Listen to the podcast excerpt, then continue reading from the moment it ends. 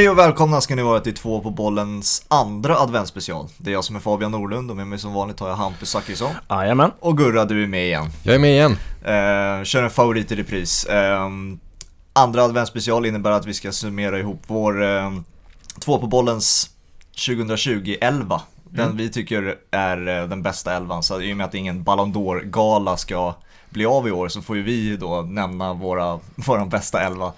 Ehm, Däremot så såg jag väl att eh, The Best blir av, alltså Fifas eh, egna pris. Tyckte jag såg något att eh, det ska Okej, delas ja. ut. Och Ja. där har de väl en 11. det var bara Fifas då. Ja, den, Ja, exakt. Har ni sett den trofén by the way?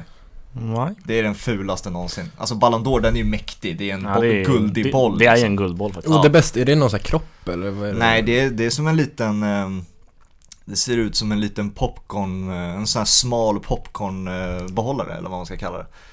Med en, En med bo- behållare? Nej, men vad? Jaha, en sån, en bio... Ja, men som man Ja. köper på bion. Ah, och så ja. med en liten boll, och, alltså som, istället för popcorn i så ser det ut som en Aha. boll i. Det har jag också alltid undrat med diamantbollen. Varför den ser ut som en, jag vet inte, en blomvas typ. Alltså den är inte, den är inte alls vacker. Nej, jag fattar inte nej. varför de inte gör bara en, alltså en boll av diamanter blir Ja. svårt för den blir jävligt dyr. Så är det ju. Men alltså en, ja men en diamantboll kan man göra på andra sätt istället för att ha en vas. Ja. Hur är läget då boys? Med mig är det bra. Nej, med mig är det bra. Det är, eh, det är intensiva tider nu. Det är liksom mästerskap i en hel del andra sporter som kommer eh, och sen fotbollen rullar ju bara vidare. Det är ju ett eh, galet hektiskt schema. Champions League och Europa League har vi haft i veckan och så tar ligorna vid i helgen så att nej, man gillar ju när det är hektiskt med fotboll. Nyligen torskat pengar har jag hört också va? Ja, det är, vi, vi ska ju prata om det laget på allmän begäran kan man säga. Det är Hamburger Sportverein vi, vi kommer leda oss in på. Eh, satt med ett spel i helgen där liksom, ah, men nu måste de ju vinna. De hade tappat poäng i tre matcher i rad. Det var väl en månad sedan de vann. Eh, går ut och gör 1-0, även 2-1, men tappar till 3-2. Det är väl lite, lite melodin av eh, Hamburg, att eh, deras mentalitet och psykiska förmåga är ju otroligt svag. Men eh, alltså, de starkaste minnena man har från Hamburg är väl lite, lite från äldre upplagor med Louis Holtby och van der Fart och grabbarna. Marcus Berg också. Ja, jag tänkte precis säga Ja. Marcus Berg faktiskt. Det är kul att han har varit där. Ja, Dennis Aogo. Alltså den gammal- kombon ändå, Marcus Berg som spets och Van der Waart som kreativ tia där bakom. Det är ändå... Det har något alltså, det har något. Ja, då... Alltså han hade ju fina bollar fram till sig, Marcus Berg då. Van der Fart var ju, en, eh, var ju verkligen en kreativ spelare. Eh, Marcus Berg också som sköt vidare Krasnodar i Europa League. Mm, det gjorde han. Eller till Europa League från Champions League då. Nej men alltså det... Så här, vi fick en, eh, en gästfråga, gästfråga, vad säger man? Lyssnarfråga. Ja. Som ville att vi skulle prata om Hamburg. Eh, Jag tror att han hejar på Hamburg, jag har tappat namnet. Men Gustav Bjäresten. Mm, jag är och där- ganska säker på. därför gör vi det. Vi är ju crowd pleasers på det sättet. Men det, det jag tycker med Hamburg, alltså de har ju missat kval nu två år i rad från Schweiz. Eh, jag vet inte, det är någonting med deras liksom psyke som är totalt kaos för att de tappar alltid. Det gör en Leeds har man ju liksom hört från England att liksom man, man är på väg att gå upp, man är på väg mot kval och så tappar man allt och det, det är där Hamburg har varit i Schweiz. Ja. Det är alltså, vad jag uppfattar som, jag ser ingen, jag har inte sett på Hamburg sen de var i Bundesliga, och- om ens det. Jag tror det var innan dess. Jag tror det var under den här Marcus Berg, van der Vaart, Holtby-tiden alltså. Det var, vad fan var det? 2013? 14? Ja, är snart- precis. Ja, 2012 tror jag till och med. Helt sjukt länge sedan nu. Så att alltså, det är så jävla inget sägande lag för mig. Hamburg ju. Ja. Ja, nej, vi kanske ska röra oss mot högre höjder och Högre lite höjder. bredare lyssnarskaror. Definitivt. Ha, Hampus fick hålla lite surr nu om eh, Hamburg. Jag hoppas Mm. du är nöjd. Mm. Men vi, men vi gillar Hamburg. Så mycket. Två på Ja. diggar Hamburg. Definitivt. Förutom deras psyke. Tillräckligt mycket att näm- av att nämna dem i alla fall. Så. Ja, precis. precis. Men årets elva då. Ehm, tänker väl att det är viktigt att påpeka att, ehm, det, att det är årets elva. Det är inte säsongens elva eller förra säsongens elva. Det är årets elva. Så man måste tänk, tänka på att det är från stora delar av förra säsongen men också påverkar ju vad de har gjort den här säsongen. Så ska jag försöka eh, få ihop ett så rättvist resultat av vår elva som möjligt. Och vi nämner väl eh, varsin nominering till varje position. Om man har fler får man väl nämna det och sen ska vi försöka komma överens vilka som tillhör årets 11 2020. Ja men exakt, vi kommer inte till det här avsnittet med varsin elva egentligen. Utan vi har väl lite spelare i tanken och sen ska vi komma överens om en gemensam elva. Mm. Eh, som vi lägger upp sen på våra sociala medier i samband med avsnittet så man kan se den framför sig. Mm. Mm. Viktigt att påpeka då formationen kanske så att folk hänger med. 4-3-3 kommer det bli. En, eh, ett mittfält som är balanserat med två sittande kan man säga. Så två traditionella mittfältare och sen en tia släpande forward, vad man Ja nu exakt, kalla det. man, man brukar väl inte profilera mittfältet i en världselva men jag tycker ändå det känns bra med tanke på att annars kommer vi sitta här och jämföra en Bruno Fernandes typ med en eh, Fabinho typ Ja. och det, det blir inte riktigt rättvist. Nej, så, att- nu har vi positioner för alla på plan så att säga. Så nu, Exakt. nu finns det ingen anledning att eh, ja, förlora en spelare på grund av positionsval. Eh, men eh, vi börjar i mål helt enkelt då. Eh, Mm. Gurra, vem är din årets målvakt? Ja, min årets målvakt måste ändå stå mellan Alisson och Neuer. Där har jag valt att gå med Neuer. Okej. Eh, tycker han spelar en stor del i deras Champions League-triumf. Eh, och ja, men jag tycker att det är lite... Målvakter så måste man nästan gå på titlar. Det är så jävla svårt att bedöma liksom målvakt från match till match och... Nej, jag tycker bara att han, han gör även ett lyft den här säsongen som han har varit lite på dekis kan ja, man säga. Eh, och det tycker jag gör honom till årets bästa målvakt. Mm. Jag tycker att uh, målvaktspositionen är otroligt stark just nu ute i Europa. Det är Neuer, det är Ter Stegen, det är Oblak, Alisson, eh, någon kanske vill ha in Ederson.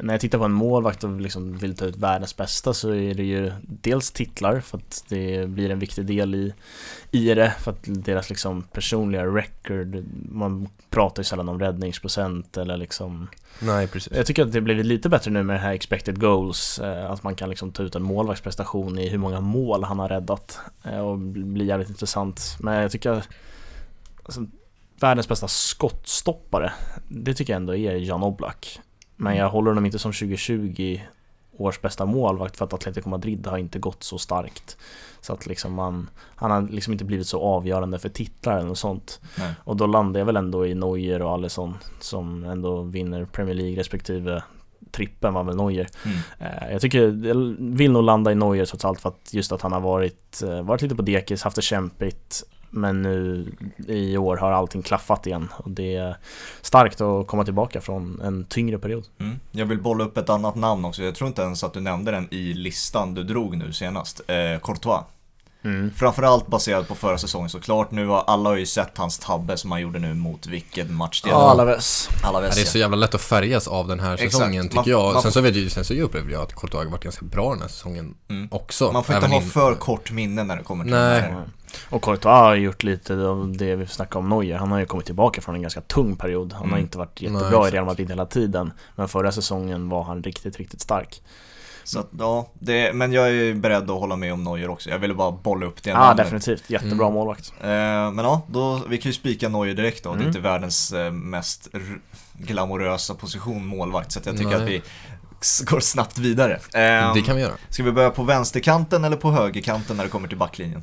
Jag är van att man går från höger. Ja, då Ja. kör vi högerback då. Eh, Har du ett namn där själv kanske? jag har Trent där som eh, min nummer etta. Eh, och känner att eh, Alltså Trent är ju alltså, en av världens bästa högerbackar, men jag känner också att han inte har tillräckligt stor eh, konkurrens just nu i fotbollsvärlden på en högerback. Nej, det är det jag känner med högerbacken. Ja. Så det är svagt överlag ute i Europa. Ja. Det är Danny Carvajal, han är jämn, men liksom, han är ingen som sticker ut på samma sätt Nej, som han, Trent. han har tappat det lilla extra. Ja, eh, vem har vi mer i topplag? I City så rullar de ju högerbackar, det är Kyle Walker eller Jao Cancelo kanske, men de spelar Ja. ju, alltså, Ja, men så, så här, det sjuka med Kyle Walker är att han hamnar ju typ nära platsen för att, i brist på annat. Ja, exakt. Eh, och Kyle och- Walker är lite, alltså han är ju väldigt misstagsbenägen. Ja, absolut. Kolla i Barcelona, där har de Dest numera, tidigare hade de Semedo och han Ja, vet ju det- vad jag, han vet jag vad du tycker om Hampus. Nej, han att, missade ju honom i överskattnings... Eh,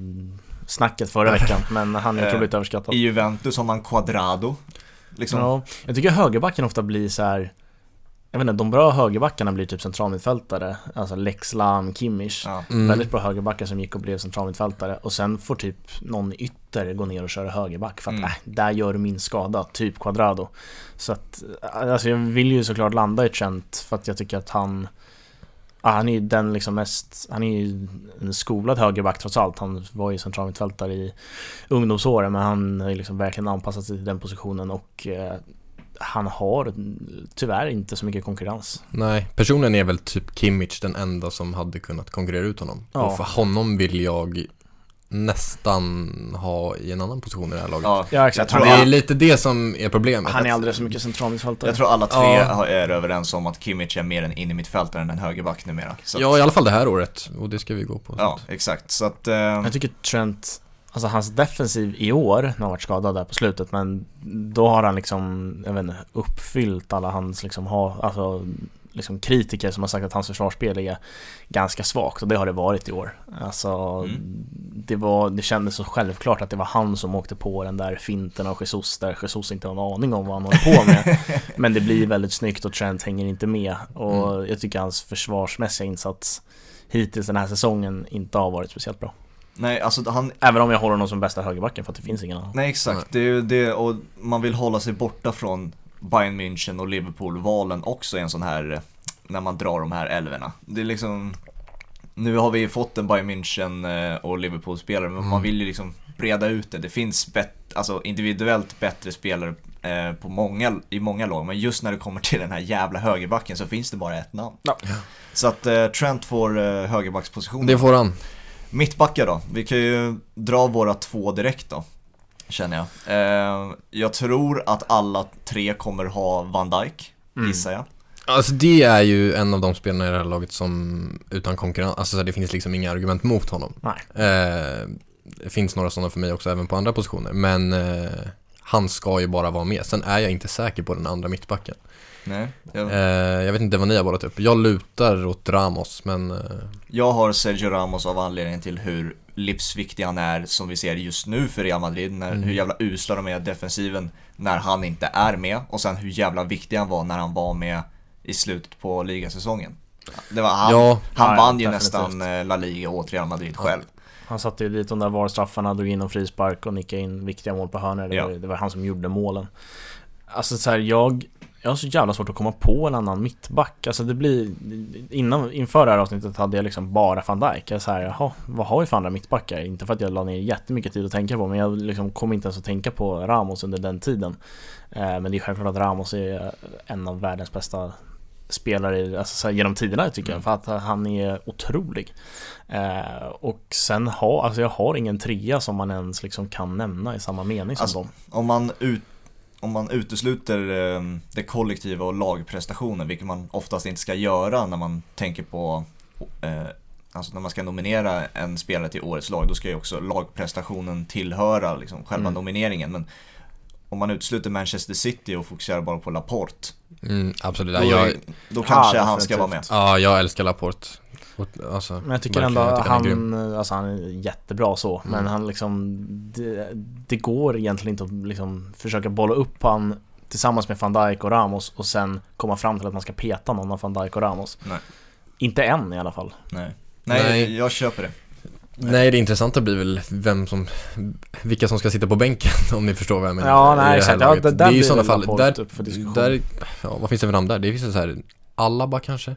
Ja, för Ja, när man går igenom de här De topplagen Exakt, kanske? de här topplagen som har gjort det bra Alltså så här, Bayern Münchens mittbackar imponerar ju inte egentligen individuellt så eh, Barsas mittbackar är ju hemska Ja. till och Ja, ja. från Nej men det är vissa lag som man bara kan utesluta. Ja, Rafael Varane är en intressant mittback bara för att han, vad har hänt? Ja, men det, alltså det, sen VM har han liksom sett vilsen ut Jag känner Ja. att det finns många sådana mittbackar. Man tänk- tänkte alltså de här kommer ta över från, framförallt Ramos sa man ju då, för man Ja. insåg att han var, kom till åren. Exakt. Man tänkte på Varan, Koulibaly, vad fan har hänt med honom liksom? Eh, sen finns det ju mer, De, eh, Delikt var ju en sån man sa också. Nu har Ja. han haft problem med skador. Eh, haft ett, en, ax, en axel som han tydligen spelade förra säsongen typ utan axel. Det är helt sjukt egentligen. Man ser ju att han är en skogshuggare liksom, men han var verkligen det förra säsongen. Men det kanske var därför också han eh, inte presterade på sin absoluta toppnivå eh, förra säsongen. Nej. Nu är han tillbaka i Juventus och är frisk igen så att vi får ju se Mm. om han är med nästa säsongs, eh, nästa års eh, elva. Ja, goda möjligheter det, Ja. till det. Nej, jag tycker van Dijk och Ramos är de som sticker ut. De mittbackarna vi nämner i övrigt kan man klumpa ihop till en enda stor skara och det är väldigt svårt att plocka ut en som sticker ut där. Men van Dijk och Ramos betyder ju ofantligt mycket för sina lag och gör även mål som jag tycker är så här viktigt för ens känsla för en Ja, spelare. verkligen. Bara så här, fan, här kliver han fram och Ja. gör sina mål.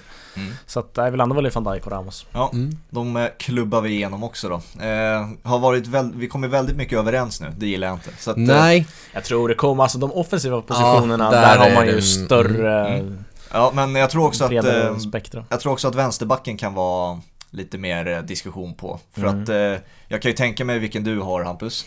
Jag vet ju vilken som kommer bollas upp och han har jag liksom funderat mycket på senaste dagarna. Det är ju såklart Alfonso Davis och Robbo. Eh, Vi säkert kommer komma in på Andy Robertson i Liverpool. Eh, och det är, det är en intressant diskussion som jag, jag är spänd på att se vad ni har att säga om Alfonso Davis. Mm. Eh, men jag är inte helt säker på att jag landar i Robertson. Eh, ni får gärna liksom bolla upp vilken ni har. Så, Mm. Jag säger världens bästa vänsterback är Theo Hernandez. Och det har jag sagt Mm. nu i ungefär ett år, så att eh, jag väljer att stå kvar vid det. det är inte, Fabian gillar att säga att han har sagt saker tidigt. Visst är det så? Man måste ju få sitt rätt, tänker jag. Ja, jag, eh, jag gillar ju också när Makoto sköt ner att så här, åh vilken modig gissning att eh, Ja. PSG skulle vinna Precis. Ja, men det är mycket Och sen blev det inte liksom- ens så. Ja. Men alltså Nej, när man, när man väl har tippat någonting måste man ju backa det sen när, man, när det väl, Jo, jo, när det väl börjar Nej, samlas absolut. in liksom. Jo, jo, men det är sällan du tar de här 15 gånger pengarna. Det är bara så här 2-10. PSG vinner Champions League. Alltså, ja, jo, de är ju topp 3 i världen så att... Ja, Ja. vem är din då, Gurra? Min är nog faktiskt Alfonso Davis tror jag. Alltså Mm. det är en ny typ av vänsterback, jag gillar honom. Eh, Det, ja, han kom med något nytt. Det är lite det som jag Ja. faller liksom, eh, gör så att bägaren, ja nu vet jag inte ens hur det uttrycket lyder men, eh, Vägen rinner över ja precis. åt Davis håll. Nej men det, det jag känner med Alfonso Davis är att man liksom, man går bort sig i hans spektakularitet. Ja, det är lite det som jag, Att ja, man liksom direkt, bara för att han var så spektakulär, håller honom som världens bästa. Och jag tycker att han är ju topp 5. Mm. Vänsterbacken är också en position där vi inte har jättemycket konkurrens. Det är inte många spelare som sticker ut från mängden på den positionen. Det är väl de här tre vi är inne på, Robertson, Theo Hernandez, eh, Alfonso Davis kanske någon till man glömmer bort. Eh, men, ja alltså Theo Hernandez gör det så bra. Men samtidigt så måste jag typ landa i Robertson ändå, bara för att hans stabilitet, man typ, man går, alltså man tar bort Robertson bara för att säga, ja ah, men nu har han varit så här bra så här länge, han, han gör inget extra. Men han gör ju egentligen någonting extra varje match. Det jobbet han lägger ner, den offensiva kapaciteten absolut. och den defensiva stabiliteten som jag tycker man underskattar med Robertson.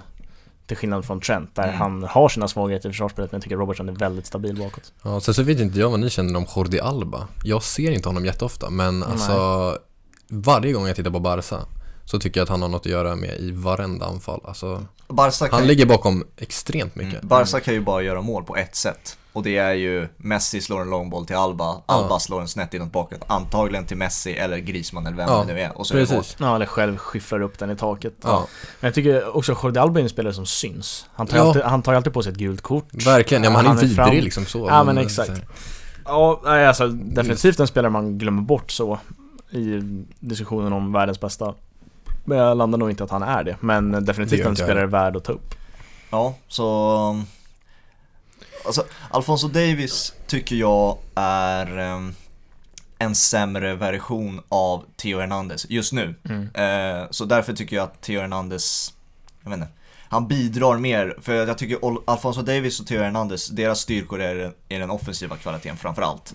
Mm. Och eh, Theo Hernandez är en vänsterback som jag aldrig någonsin sett tidigare. Jag kan tänka mig att Cafu kanske var en, var en ytterback på det sättet. Att han, att han bara tog bollen och så sprang han från straffområde till straffområde. Det är liksom, jag har aldrig sett en vänsterback så, Ja, alltså, så Daniel- kraftfull. Dani Alves om man ska ta en spelare vi faktiskt har sett spela. Ja, men Eh, han tog- Dan, Dani Alves är en otroligt underskattad spelare i historien. Jo. Han är, oj vad bra han är. Men han kombinerade, han tillhörde ju lag, framförallt Peps Barcelona, som kombinerade sig fram och sen till slut tog, tog sig fram till en högerytterposition. Mm. Theo Hernandez tar bollen och springer själv. Det är någonting jag aldrig har sett. Jag tror. Dani Alves var inte känd för det. Eh, Robertson, han, han är väl kanske lite mer på det sättet komplett i att han är bra både defensivt och offensivt i jämförelse med Theo Hernandez. Ja. Men det är väl just den här spektakulära delen att vi ser just nu en vänsterback som inte gör saker som någon annan har gjort tidigare. Det är väl därför jag ah, tycker att Theo Hernandez är världens bästa. Ja, Absolut. där är Alfonso Davis och Theo Hernandez. De gör ju saker som kanske revolutionerar på ett sätt. Sen har vänsterbacken, vänsterbackspositionen, alltså den moderna vänsterbacken kom ju ändå fram ganska tidigt. Alltså så här, man har snackat om den moderna vänsterbacken som är offensiv hur länge som helst nu, men det är Mm. så här, det är ju det normala. Det är inte så speciellt modernt egentligen. Nej. Eh, Men eh, jag jag är beredd att landa i Theo Hernandez. Jag tycker också han är fantastiskt bra och sen också för att inte landa i liksom de klassiska spelarna man alltid nämner. Mm. Mm. Så tycker jag Sen kommer, det finns ju, alltså, ett argument mot Theo Hernandez skulle ju kunna vara att han eh, inte har bärgat hem några titlar till exempel. Att han, men samtidigt, alltså Milans år, om man ska gå bara Mm. efter året 2020 Ja. så är ju Milan bäst i Serie A. Ja, Ja men exakt. Alltså så här, så att man kan väl skita i vilka som vann, alltså skita i vilka som vann Serie A ska man inte göra. Men Nej, jag menar, men Milan Alexandro är ju inte den bästa vänsterbacken. Så att, inte så att ska man bara gå för året 2020 så är ju Milan, eh, ja det är klart varför skulle det inte kunna vara Theo Hernandez egentligen? jag, jag minns att jag var så jävligt deppig av att eh, Leroy Sané inte tog sig till en, eh, fick vara med i Tysklands VM-trupp 2018. Alltså jag skulle vara så deppad om Mm. inte Theo Hernandez, som det ser ut just nu, inte följer med till eh, EM med Frankrike den här kommande sommaren. Nej definitivt, han ska ju vara ett av namnen. Ja. Så ja men, ska vi bestämma Theo Hernandez? Ja, Ja, det trodde jag inte när vi började men absolut, Nej, vi ja, kör. vi landar då. Mm. Kul! Eh, då går vi till de två sittande mittfältarna då. Eh, jag tror vi alla har nominering i en eh, Joshua Kimmich på en position i alla fall. Alltså han kan ju bara spika i direkt. Alltså, Mm. han, Ja. är, han är ju liksom typ MVP i Mm. mm. Bayern München. Ja. Även om det finns en polsk forward som gör väldigt mycket mål så gör ju Kimmich även de viktiga målen. Han kliver fram och avgör eh, derbyt mot eh, Dortmund gånger två har jag för mig. Eh, Så Mm. att, nej, han är så otroligt viktig och så otroligt bra. Ja, jag älskar, jag vet att ni har snackat om det här med Kevin också, att eh, man, jag älskar att den här ur, urtyske spelaren är Mm. tillbaka liksom, det, är- det är härligt. Han är li- lite för liten dock, alltså för, att, för den här klassiska tysken. Kanske, Ja, jo, han är sån jävla han- terrier så han Ja. äter ju upp Paul Pogba om Mm. de skulle mötas. Absolut. Tänk dig Joshua Kimmich i Goretzkas kropp. Ja, jo, jo. Men då kan man ju börja snacka om att man vill ha Cristiano Ronaldos eh, spänst och nickstyrka i Lionel Messi. Men jag tänker bara, då har vi den ultimata tyska mittfältaren. Jo, Ja, definitivt. Alltså, absolut. Bastian Schweinsteiger. Ja, lite åt det hållet. mm. Nej, men Kimmich är ju mer det här laget. Ingen snack. Kaptenspinne på honom också. Okej, Mm. nästa då. Eh, enligt mig världens bästa mittfältare, Thiago. Som eh, ska vara med. Tycker jag. Men ni får, ni får bolla Jag upp era namn. Jag tycker Thiago är så jävla svårbedömd det här året för att egentligen så har jag bara sett honom i Champions League-matcherna. men typ slutspelet. Exakt, slutspelet. Alltså, Alltså så här, jag vet ju vad han sitter inne på för kunskaper men han har inte fått ut någonting i Liverpool och verkar ha en jävla skum skada som journalisterna runt Liverpool inte rapporterar någonting Mm. om men alla vet att han är borta någon vecka till och så har en vecka gått och då har det liksom helt plötsligt plussats på en vecka. Så att hans skador, skador är jävligt märkliga just nu. Mm. Eh, Och jag tycker han är svårbedömd för att jag såg honom inte så mycket, sen är han ju en av världens bästa spelare. Men, jag vet inte, det är svårt alltså. Jag vill väl typ få in Kevin De Bruyne på den här positionen för att sen få in en annan tia. Mm. Jag vet inte om det går emot Jo, reglerna nej, nej, men... men jag, Alltså, köp, det funkar väl lite för att han har den rollen i City. jag köper att han kan vara vanlig Ja, Ja, mittfältare. jag tycker jag nog. Eller nej, det har han inte, ja. Och sen hade jag bara, alltså ett namn, jag tycker inte han ska vara med i den här Men alltså Jordan Henderson ska inte vara med i någon världselva Men jag vill ändå bolla upp honom för att jag tycker han är underskattad och han är alltså Han är riktigt bra på fotboll nu Han är inte bara en grov jobbare Som liksom pratar mycket utan han, alltså han har fått en passningsfot, han kan slå långa crossbollar som Gerard gjorde i sina glansdagar. Så att han, han är en riktigt bra mittfältare nu för tiden och man ska inte bara begränsa han till en ledare. Men han ska inte med i den här elvan. Men det är svårt, jag har svårt att landa i en annan eh, liksom Ja. sittande mittfältare. Nej, jag håller med. Jag tänkte också ta upp Henderson för att det hade varit rimligt på ett sätt att ta Henderson och De Bruyne som tia, men kanske det blir De Bruyne som som, som eh, Bredvid. Ja, bredvid ja, Mm. precis. Kanske är roligare så, så att vi kan lyfta någon, eftersom vi inte har någon solklar. Nej exakt, man vill ju få in så mycket offensiv kraft Ja, men vi har ju samtidigt ingen solklar. Jag tycker inte Thiago är solklar. Nej, nej men det... Jag vet inte alltså, vilka, vi behöver inte klubba någon Vi mittfältare behöver inte glömma, vi kan ju Men ta vi- upp tior. Exakt, vilka Mm. tior har vi? Eh, en, enligt mig så är Neymar en tia, så att jag har place, placerat Neymar som tia. Mm. Alltså jag börjar landa i att Bruno Fernandes är en av världens bästa tior Ja, jag För att så här, i början var det bara, han gör bara straffmål Men alltså vad, vad fan har han gjort med, liksom det är ju han som Ja. är United. Jag håller med. när han är bra är United bra. Eh, han var inte bra mot PSG, då är inte United bra. Så att han betyder så ofantligt mycket för det här laget. Det är ju Ja. synd att de inte har fått det där lyftet som Zlatan har fått med Milan. Vilket gör att man skulle, alltså då hade det inte ens varit någon diskussion, då hade Bruno Fernandes varit där. Mm. Men han gör ju alltså, minst en poäng per match, så jag tycker att han eh, är på riktigt, ska vara med i diskussionen om 2020 års bästa mittfältare. Även om jag tyckte det var plojigt att han skulle vara med i någon så här Uniteds bästa spelare för säsongen. Men alltså, första halvåret av 2020 är ju väldigt mycket uppskjutet. Och andra halvåret är ju han en av Premier Leagues bästa spelare. Så att jag vill ändå bulla upp Bruno Fernandes. Ja, jag är nästan inne på det. Att han ska hamna i elvan, Mm. eh, faktiskt. Och De Bruyne eh, där nere. Så ni, men vi kan ju inte ta Bruno Fernandes före Neymar, eller? Ja, jag tycker nästan det. Men Jag tycker Neymar är väldigt mycket mer ytter också. Ja, ja men alltså, ja exakt. han funkar mer som en tia i, eh, alltså i PSG. Han rullar mycket mer Och har Neymar haft ett sånt jävla starkt 2020 då? Ja, det är ju bland, jag, jag lyssnade på Tutto. Eh, Thomas Wilbacher vill ju hålla med mig i alla fall att Neymar är världens bästa fotbollsspelare just nu. Eh, Mm. Och det känns ju skönt att få back, uppbackning på, från något håll i alla fall men eh, Jag tycker att, eh, att hans 2020 är så pass bra. Han en, nästan ensam eh, tar PSG till en Champions League-final. Från, från gruppspel fram till, eh, nu tillhör ju eh, stora del, eh, hela gruppspelet va, eh, år 2019 så det ska inte räknas med såklart. Då. Men hela slutspelet är Neymar så pass viktig, mer viktig än vad eh, Bruno Fernandes var för Manchester United enligt mig. Ja, och då, men då blir ju Thiago given också. För att han var också bra i de där fyra matcherna. Ja, Alltså jag, jag tycker Neymars prestationer begränsas så mycket till typ 10 matcher. ja, ja jag håller faktiskt med. Men det är ju också för att ni inte se, väljer att se på PSG i franska ligan. Nej, därför jag bryr mig inte så mycket om han gör två poäng per match i franska ligan. Nej, men det är väl det lite som är problemet också då. Då, då blir ju liksom inte... Ja, då, blir kanske han får ta det då Neymar. Nej, han får ta det. Han valde Ja. att ta flytten till PSG. Då får Ja. han ta då- att jag inte bryr mig om han Men gör då blir, Nans. då blir jämförelsen orättvis för att då väljer ni att se på eh, Manchester Uniteds alla Premier League-matcher i jämförelse, vilket är, ja hur många har de spelat under 2020 jämfört med Neymars fyra Champions League-matcher. Hur, alltså, det är ju inte rimligt. Nej, men det får vi väl Fast Neymar man, du, ta. man måste ju bedöma en fotbollsspelare utifrån vilken liga de spelar i. Mm. Ja, alltså jag, Alltså jag, jag, menar, du tar ju ut landslagstrupper efter det. Alltså, Ja, så här, jag- det är inte... jag köper ja. 100% att eh, franska ligan är sämre än Premier League. Det, Jo, jo, det, men ja, det, det- det jag. köper jag. Men jag tycker inte den nivåskillnaden ska vara avgörande för att Neymar är så mycket bättre än Bruno Fernandes, enligt mig. Ja, du köper men sen tycker jag att vi går mot lite reglerna. Han är ingen tia. Nej, Där måste vi vara Det är tydliga. lite- han är inte, om han funkar som en tia i spelsystemet, men vem spelar vänsterytter i PSG då? Eh, De har, inga, de har inga vänsteryttrar, alltså, eller Nej, yttrar. Neymar, Neymar är vänsterytter.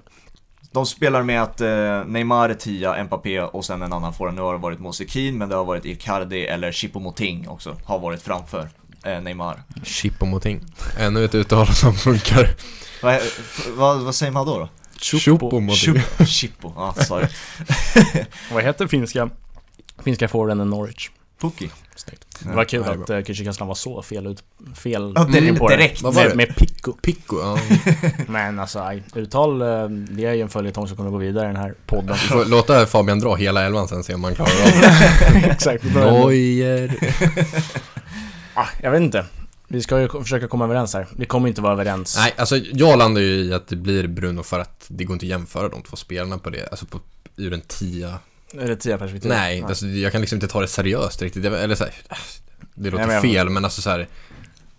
Ja, Jag har så svårt också att ge Bruno Fernandes eller någon Manchester United-spelare en plats i årets elva. Det känns, alltså, de har inte haft ett bra år, men alltså Bruno Fernandes är ju en spelare Han har gjort det han gör i det laget. Mm. mm. Ja, han har, han har haft en individuellt fantastisk säsong och jag, jag, jag köper att han ska vara nominerad men Ja, jag, Just- jag kommer inte backa från mitt argument. Nej men just här, just här och nu blir det ju två mot ett. Mm. Ifall han är Bruno. Sen får folk gärna tycka till eh, Ja. på våra sociala medier. Ska Neymar in som tia? Ska Exakt. Neymar in som vänsterytter? Vi kommer till Ja, ja men alltså Neymar finns ju kvar. Det är, alltså, Ja, ja, ja. Om vi inte tar honom, alltså så, för mig är han ju mer vänsterytter. Men Mm. ja. Men ska vi landa i De, Bruyne, Bruyne och, Kimmich, Bruno Fernandes. ja. Där jag tycker De Bruyne och Kimmich är supergivna. Ja, precis. Ja, Ja, det är ändå ett starkt mittfält med Mm. Kimmich, De Bruyne och Bruno Fernandes. ja verkligen. Kimmich får vinna bollen och så får de andra förvalta. Mm. Så är det. Högerytter då.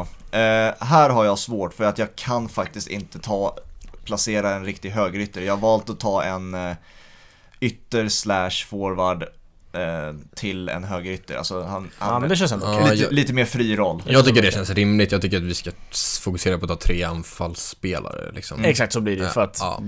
Så man, folk vill ju ha ja, Salah som ja. forward i FBL typ, alltså sådana Ja, här exakt. Spelar man högerytter och vänsterytter i den moderna fotbollen Exakt. så är man ju Så att jag tycker, egentligen så tycker jag att vi kan nämna tre anfallare Ja, nu bra.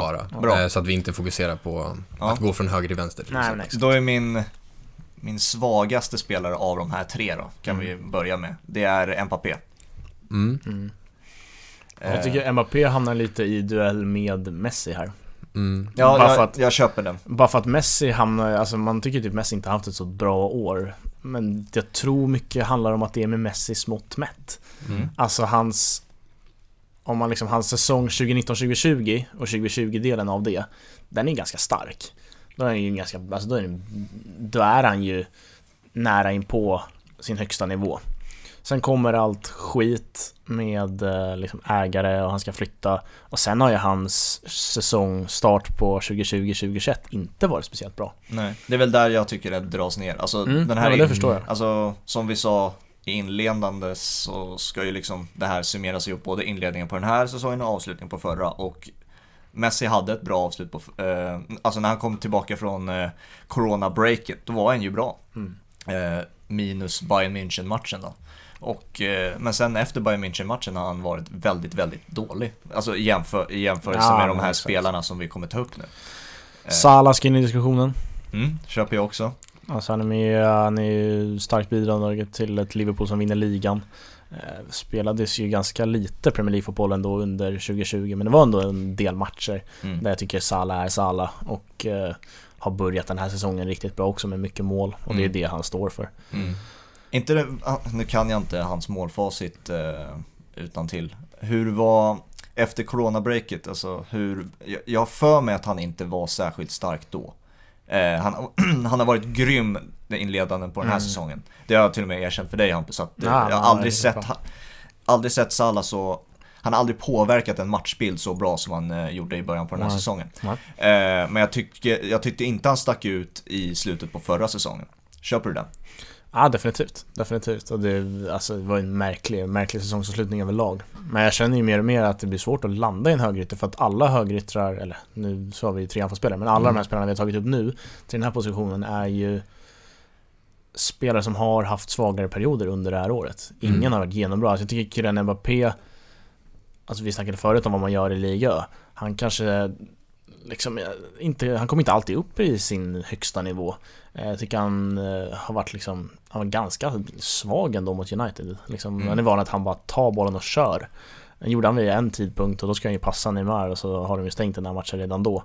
Eh, nej, men det är svårt. Det är, det är inte ofta man tänker på det eftersom att han är så jävla bra så ofta. Men han är fortfarande, vad är han, 21, 22? Ja, liksom- exakt. Det är den, Det är inget konstigt att han har sina dippar. det är, Nej, nej, nej. det är därför, det är väl det man kan förklara till att han Ibland så försöker han lite för mycket och ibland så kommer han ner ur matchbilden för att han är han är fortfarande, han har, han har lite kvar för att liksom ja. lösa det där pusslet Hur ska jag kunna påverka matchen så bra som möjligt? För att han har ju alla färdigheter för att kunna göra det Om vi ska snacka spelare som inte haft några dippar då, så finns det ju en som är solklar.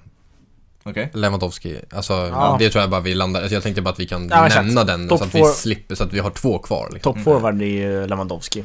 Vilket, Eh. vilket är sinnessjukt att kunna alltså, säga att Haalands år, ehm, nu finns det säkert fler som jag inte Ja, jag tänkte på. precis Alltså. Harry Kane har riktigt Harry bra. Kane, Mm. exakt. Det finns så många forwards där ute idag som gör, alltså de börjar komma upp i Ronaldo Messi-siffror.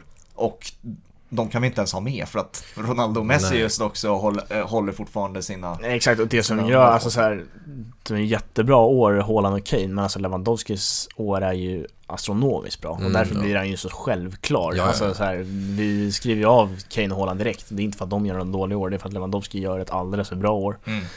Så att nej, Lewandowski topp forward. Och sen alltså Ronaldo tycker jag Alltså han, Ronaldo är ju väldigt Ronaldo. mycket striker nu för tiden. Mm.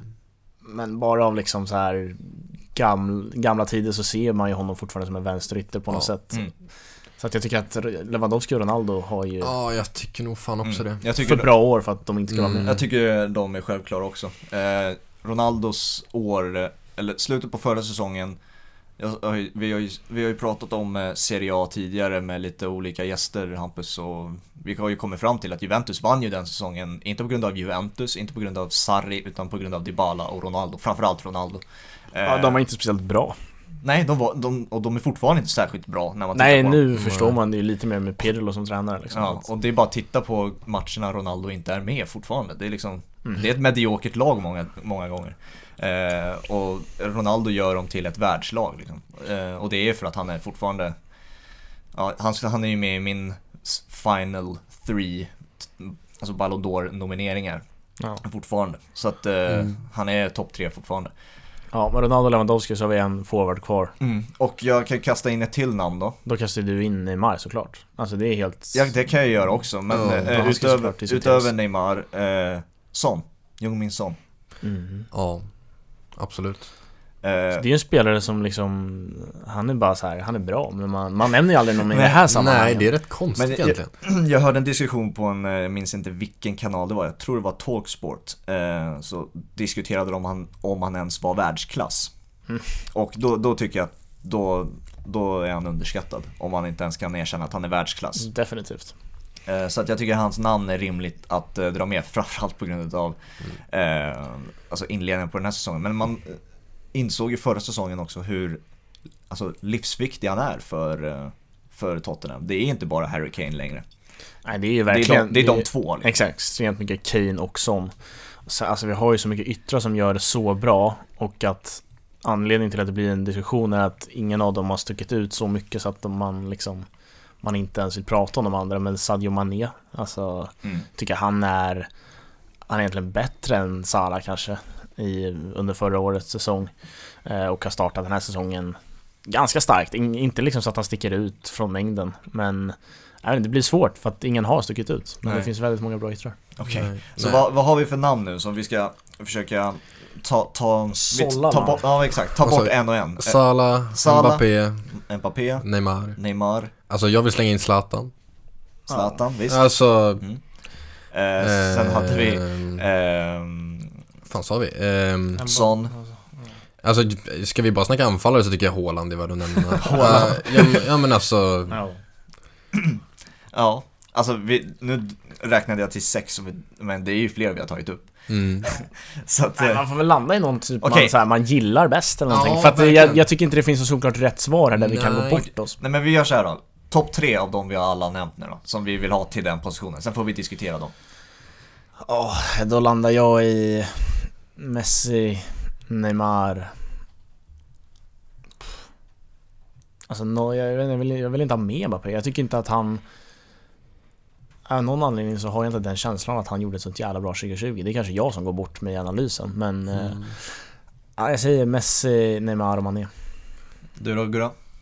Jag säger nog Messi, Salah.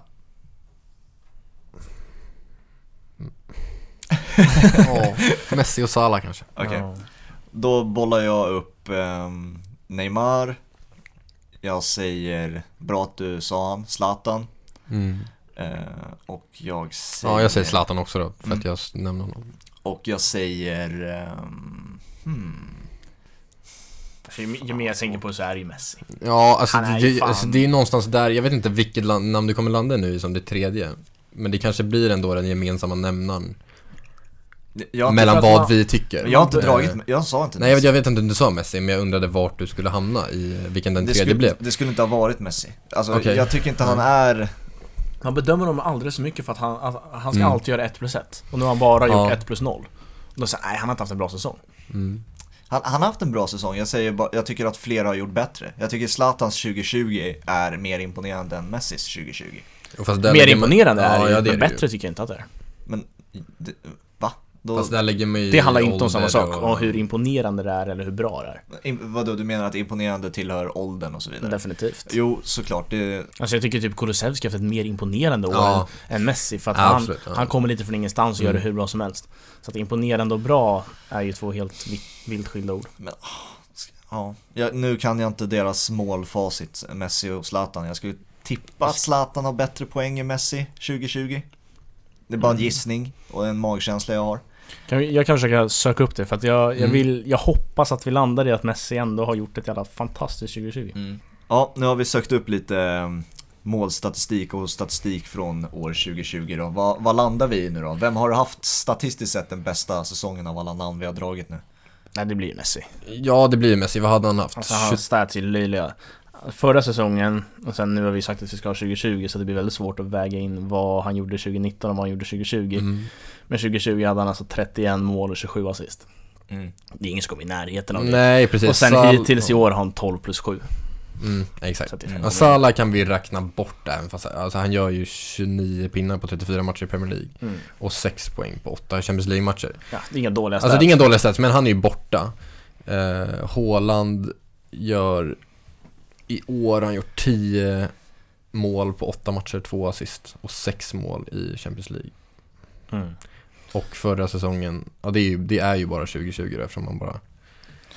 Ja, men alltså det är det som, eh, ska vi se här. det, är ja. det som är grejen med Messi, att han gör ju en poäng per match även i år. Mm. Där man tycker att han är rätt svag. Ja. Ha- Hade du Zlatan också? För att den var, den är Ja. jag intresserad av. Zlatan 19-20, 11 plus 5 eh, på 20 matcher då. Mm. Eh, och eh, 20 2020-2021, 11 plus 2 på 10 matcher. jag. Mm. Mm. Det är även, Precis, även någon match i Coppa Italia och någon eh, Europa League kvalmatch. Mm. Zlatan landar väl i att så här, ja, det är väl det mest imponerande året. Mm. Absolut. Men alltså, Men då kan vi göra en annan elva kanske. ja, ja Exakt. exakt. Ett annat ämne så. Men Mm. alltså så här, det går inte att landa i något annat än Messi. Nej, jag, jag För att det blir för, det blir för också. mycket så att, ja, han har inte varit Messi-nivå. Men vad fan. Mm. Ingen annan har varit Messi-nivå heller. Nej. Alltså, Nej exakt, nej det är, det är ju i sådana fall typ, alltså jag håller ju typ Haaland som den biggest contender i Mm. honom. Ja. Men eh, Nu, så här, nu, Messi är en bättre nu fotbollsspelare. var det ni två som tittade upp statistik och jag litar på vad ni tog Ja, fram. Men ja, jag, jag, jag trodde faktiskt inte att eh, Messi hade den över, eh, Nej. Alltså de, han låg överst på listan när det kom till stat, eh, målproduktion och, och sådär. Så att, eh, alltså någonstans får man ju typ landa i att Messi har liksom blivit typ underskattad helt plötsligt. Folk bara Ja. så här, nej nu är, han, nu är han dålig. Bara, nej det är han inte. Han är totalt överlägsen. Mm. nej, det är väl mest motståndet jag har haft att eh, att han är untouchable, vilket han absolut inte är. Och jag tycker att de senaste tre åren har bevisat det, framförallt med lagprestationen. Eh, Nej, han är ju inte, han är bara inte så- untouchable som den bästa i världen. Nej. Men han är untouchable som en av tre där framme. Mm. Mm. Men Fabian, om du får, nu har vi sett Ronaldo, Messi och Lewandowski. Tycker du att Neymar ska in på någon av de platserna? Det är ju så här, jag eh, tyckte ju att Neymar inte ska vara alltså, en av de tre där framme Nej. eftersom att hans statistik inte kan jämföras med de här namnen vi har plockat fram nu. Kanske Nej. möjligen Son eller Mané, möjligen. Eh, därför tycker jag att han är, han är inte den typen av spelare som ska göra mycket Mm. poäng. Även fast han gör det, Ja. precis som de här gör, så tycker jag att han står ut spelmässigt. Alltså hur, Mm. på sättet han kan påverka en fotbollsmatch. Mycket anledningen till varför jag vill ha Thiago med i den här elvan också, Mm. men det blev det ju inte. Ja, liksom. Han är inte alls det, bitter. där, nej, det där lät mer bittert än vad det faktiskt var. det var liksom, jag tycker de typen av spelarna, på grund av eh, statistik som vi precis, precis har dragit, liksom glöms bort lite att på sättet de kan påverka en fotbollsmatch. Mm. Nu tar vi ju inte fram statistik på, jag vet inte fan vad det skulle kunna backa upp mitt, eh, men Nej, liksom men så alltså, jag, jag tror alla har ju hört vilka spelare du vill ha med sen att vi inte landar i det i vår gemensamma, Nej. det är en sak. nej men skapade lägen till exempel. Ja. Det är, Mm. Där tror jag Neymar skulle leda, till, bland annat. Eh, men alltså, Alltså, nej, inte jämförelse med målstatistiken så kan, kan jag ju såklart inte säga att Neymar har haft ett bättre år än Messi. Det Nej. kan jag ju inte. Nej. Nej, jag, jag, alltså det enda jag inte känner mig trygg med i Bruno, liksom utnämningen, det är ju att jag har varit en av dem som lite så här skrattat åt att han ska vara med i någon eh, Timothy Season förra året, för han hade så kort tid. Jag tycker bara att hans start på den här säsongen har varit så otroligt imponerande, vilket gör att så här jag måste landa i att han är ju fan en av världens bästa Mm, fotbollsspelare ja. just nu. Ja men jag, det var, jag blev jätteförvånad att ni sa Bruno Fernandes. Jag visste att jag skulle få motstånd för min Ja. Neymar-nominering men att det skulle vara Mm. Bruno Fernandes, det var, det var lite chockande faktiskt. Att ni inte hade kommit på ett, jag ska inte säga Ett bättre namn. Ett, inte ett bättre namn men ett, ett mer um, jag vet, ett Etablerat. Större, ja, etablerat och Mm. större namn liksom. Ja. Ja, det är väl att man eh, får in Får in Thiago Thiago där istället för Kevin De Bruyne som liksom ensam tia Mm.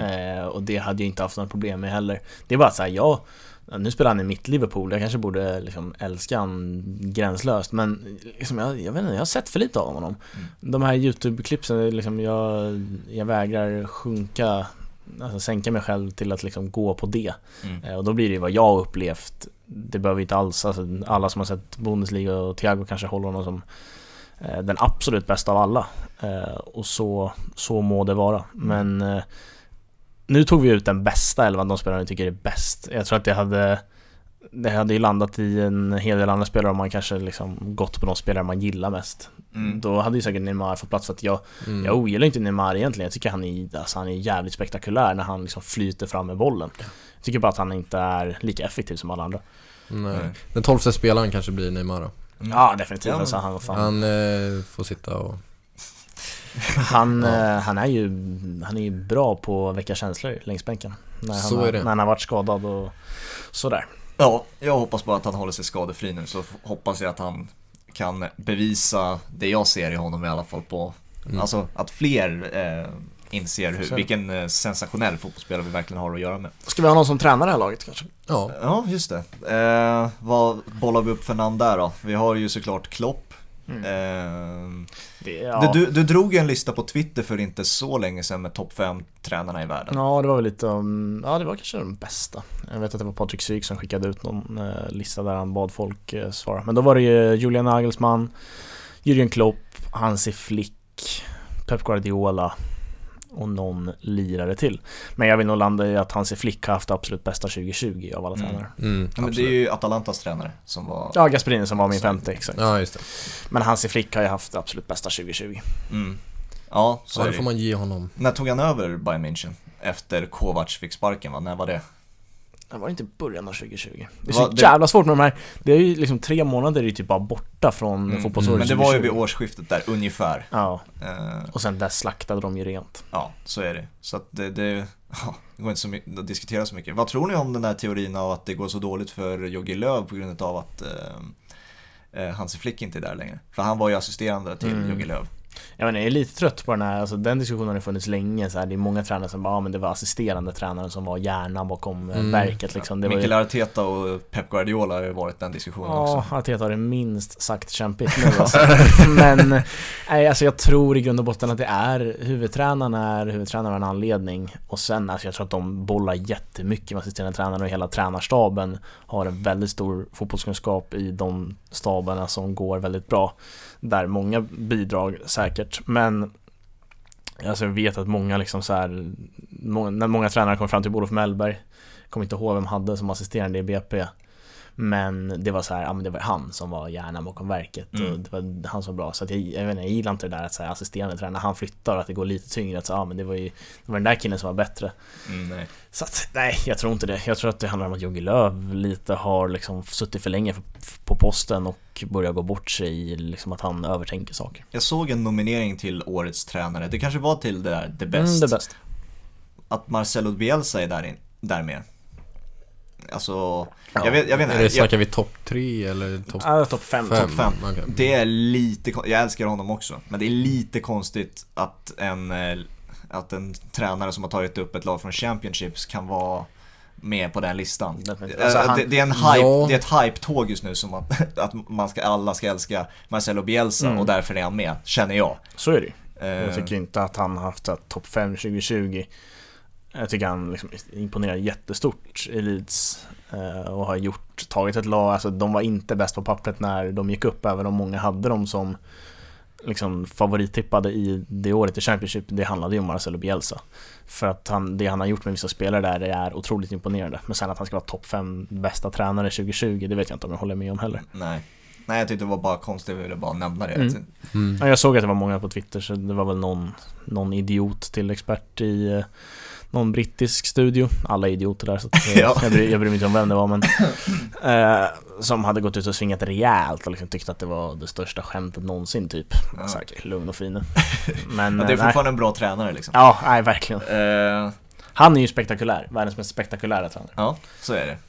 Hoppas att han, ja, alltså, han ser ju ut att vara väldigt trött men man får hoppas att han fortsätter ett litet tag till. Ja verkligen det är väldigt kul att se. Får vi se honom i ett annat lag? Är det Leeds sista?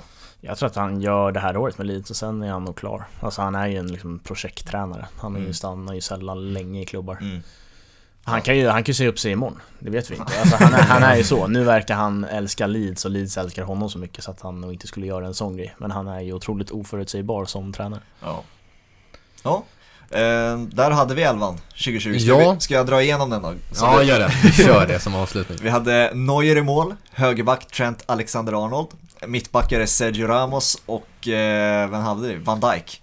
Sen hade vi vänsterback Theo Hernandez, Joshua Kimmich och eh, Kevin De Bruyne eh, som eh, sittande mittfältare. Och då är det där, är det De Bruyne eller De Bruyne? Ja, det, alltså jag kommer aldrig sluta säga De Bruyne. Mm, jag vet att man, Nej, man, alltså, alltså, jag tror att det riktiga uttalet är De Bruyne. Men Ja, eh, jag kommer aldrig säga det och jag tänker det är därför jag inte heller säger De Bruyne. För det låter för fult tycker jag. Ja, jag säger ju De Bruyne. Jag vet att du säger det. Jag säger, vad, fanns, vad sa jag först? De Bruyne, bru- Ja. brukar jag säga. Ja, Det roliga med uttalsfrågan är ju att man är ju lite, alltså alla är ju lite av en hycklare för ibland väljer man att köra Ja. det på det, det dialektala uttalet Mm. där jag alltså väljer att säga De Bruyne bara för att jag har hört i någon intervju att han säger De Bruyne och då blir det mer normalt för mig att säga De Bruyne Och ibland väljer man att köra liksom det mest svenska som går att få fram av det namnet Ja. Men eh, Go- Men det, du godkände det Gurra, eller? ja för, för första försöket, kör igen. De Bruyne? Ja. De Ja, Bruyne? vi har tre olika, ja. alltså så här, ja, man, Ni fattar. Alla säger olika Ja. Eh, sen kommer det här portugisiska uttalet då, Bruno Fernandes. Mm, ja, Nej. bra. Nej, Nej, Bruno. Fernandes. Ja, alltså han heter ju Bruno Fernandes men jag, jag ogillar det bara. Det var ju, det var ju Ja. någon, någon match i Premier League också där Timo Werner gjorde mål och kommentatorn körde Timo Werner. Ja, men det är ju Kevin Bader också. Ja, men han är ändå Ja, tysk. han är tysk. Han får fan pass där alltså. Han får, se, han får säga så. Ja, det han får han. där. Men man har en Eh, liten känsla av att han kör, trycker på lite extra. Ja, definitivt. Jag lärde mig förresten eh, att eh, det är eh, portugisiskt, alltså det är spelare från Portugal. Då säger man Ruben Neves och Bruno Fernandes. Men Ja. du säger är inte till exempel eh, Brasilianska Fiege. Tror Nej. jag inte. Alltså jag tror att, eh, ja jag vet inte ens Det, var jag hörde det eh, brasilianska att det är landslaget kan man ju sitta och köra för sig själv med lite portugisiskt uttal så kan det bli Exakt, och jävligt det är det vi har gjort. Men jag tror faktiskt att det är felaktigt. Jag tror att det är portugisiskt uttal där man kör de här sh- sh- en. Ja, Mm. det, så tror jag också. Ja, så har jag uppfattat eh, Mm. min väldigt bristfälliga kunskap om eh, Men- por- portugisiska. Man kan ju inte säga att Bruno Fernandes är fel, jag bara ogillar det för Ja, att ja. det- det är också typ bara Ruben Neves man säger det så. Ja. Alltså alla säger Ruben Neves. ja, men det finns ju andra som säger John Moutinho. Ja, Alltså det går ju liksom inte. Nej, det måste, man måste säga Joao Moutinho. Kommer ni ihåg när James Rodriguez kom fram? Och man Mm. visste inte att det var James. Att, Nej, att, James. Jag kan, tänker mig Jag saknar den tiden man sa James Rodriguez. Ja. Jag det kommer var ihåg en fin tid. hälften av kommentatorerna på under VM 2018, nej 2014 där när han slog igenom och vann skytteligan, då sa ju hälften av kommentatorerna James. Men det var ju Ja. typ mitt under det VMet som, för att jag kommer ihåg att vi var på något läger eh, Ja, med, ja, det. med laget Och liksom att, ja, halva laget sa James och någon bara Nej han heter James! ja okej, sorry, han heter James i mitt, mitt huvud liksom Ja. eh, Så att det var ju under det VMet Han blev ett stort namn och folk lärde sig att han skulle uttalas James eller James Ja. Mm. Och så hade vi de sista namnen då. Lionel Messi, han är svår att misslyckas med. Mm. Cristiano Ronaldo, svår att misslyckas, misslyckas med. Och sen Lewandowski. Ja, det är en fin elva. Eller ska man säga Cristiano Ronaldo? Bra portugisiskt uttal, satan. Ett uttal jag eh, min, eh, min kära bror sa till mig hur, hur uttalar du Sierra Leone Striken från, nej Gabon är han ifrån Striken från Gabon i Arsenal Aubameyang. Ja det är så jävla märkligt att det går upp på A Aubameyang. Va? Vad gjorde jag? Fast Aubameyang? det är roligt, Aubameyang. att- säger de inte så i England ändå? Pierre-Emerick Aubameyang? Alltså engelska, fan det ska Ja men jag, inte men, nej, men jag menar, alltså ja, så här, på det engelska språket. Här, jag säger Aubameyang. Ja exakt, jag såg också här på Aubameyang, därför blir det säkert Ja. Speciellt bara för att Fabian har sitt säregen Nej men ni, ni trycker på y då? Ja det blir det exakt Aubameyang, precis. Ja, eller det A. Precis. ja. Men ja, Nej, det är nej, inget- det är frågan det är som vad som är rätt. Vi får fråga Pierre-Emerick. Ja, exakt. Skicka iväg ett DM som Ja. Han kanske kan gästa. Skönt att vi inte haft en enda spelare. Nej, vi tar på Vi börjar med honom. Det hade varit mäktigt. Ja. Ja, Språ- Språkbarriär dock. verkligen. För ni som undrar vad som har smatskat i era öron då? Det är, Ja, in- det kanske har gjort det. det är inte men- jag. Det är Gurra och Hampus som har käkat eh, skumtomtar här. det Ja, är jag hopp- andra advent. ja, verkligen. Och jag hoppas på mer julstämning till nä i nästa eh, Jag tycker avsnitt. att vi, vi bygger upp den här bygger upp- julstämningen ja. med, liksom, så länge det går. Tredje advent kanske vi sitter med pepparkakor och juleskum och så Mm, fjärde, julmust. ja exakt, då fullbordar vi med tomtehattar och hela skiten. Ja, exakt. Ja, men eh, då avslutar vi där då. Ja, det gör vi. Det var vår 11. Eh, Stort tack att ni har lyssnat. Röriga diskussioner, men det gillar vi. Verkligen. På onsdag kommer en eh, liga, inte ligasammanfattning, allsvenskan sammanfattar vi med Mm. Therese Strömberg. Så se fram emot det och sen kommer vi tillbaka den tredje advent för att diskutera vad har vi då. Då ska vi sammanfatta årets highlights, 2020s highlights. Det blir, Det kan också bli stökigt. Kan bli personligt, det, där, där, har, där är man ju verkligen, där finns det ju, kan man ju inte väga highlights mot varandra på samma objektiva sätt. nej eh, exakt, som det blir, idag. jag kan tänka mig att det Det ska jag blir... inte säga att vi har gjort, men vi har försökt i alla fall. det har ni att se fram emot helt enkelt. Så vi hörs på onsdag med ett nytt poddavsnitt. Får ha det så bra så länge. Ciao! Ciao! Tja tja!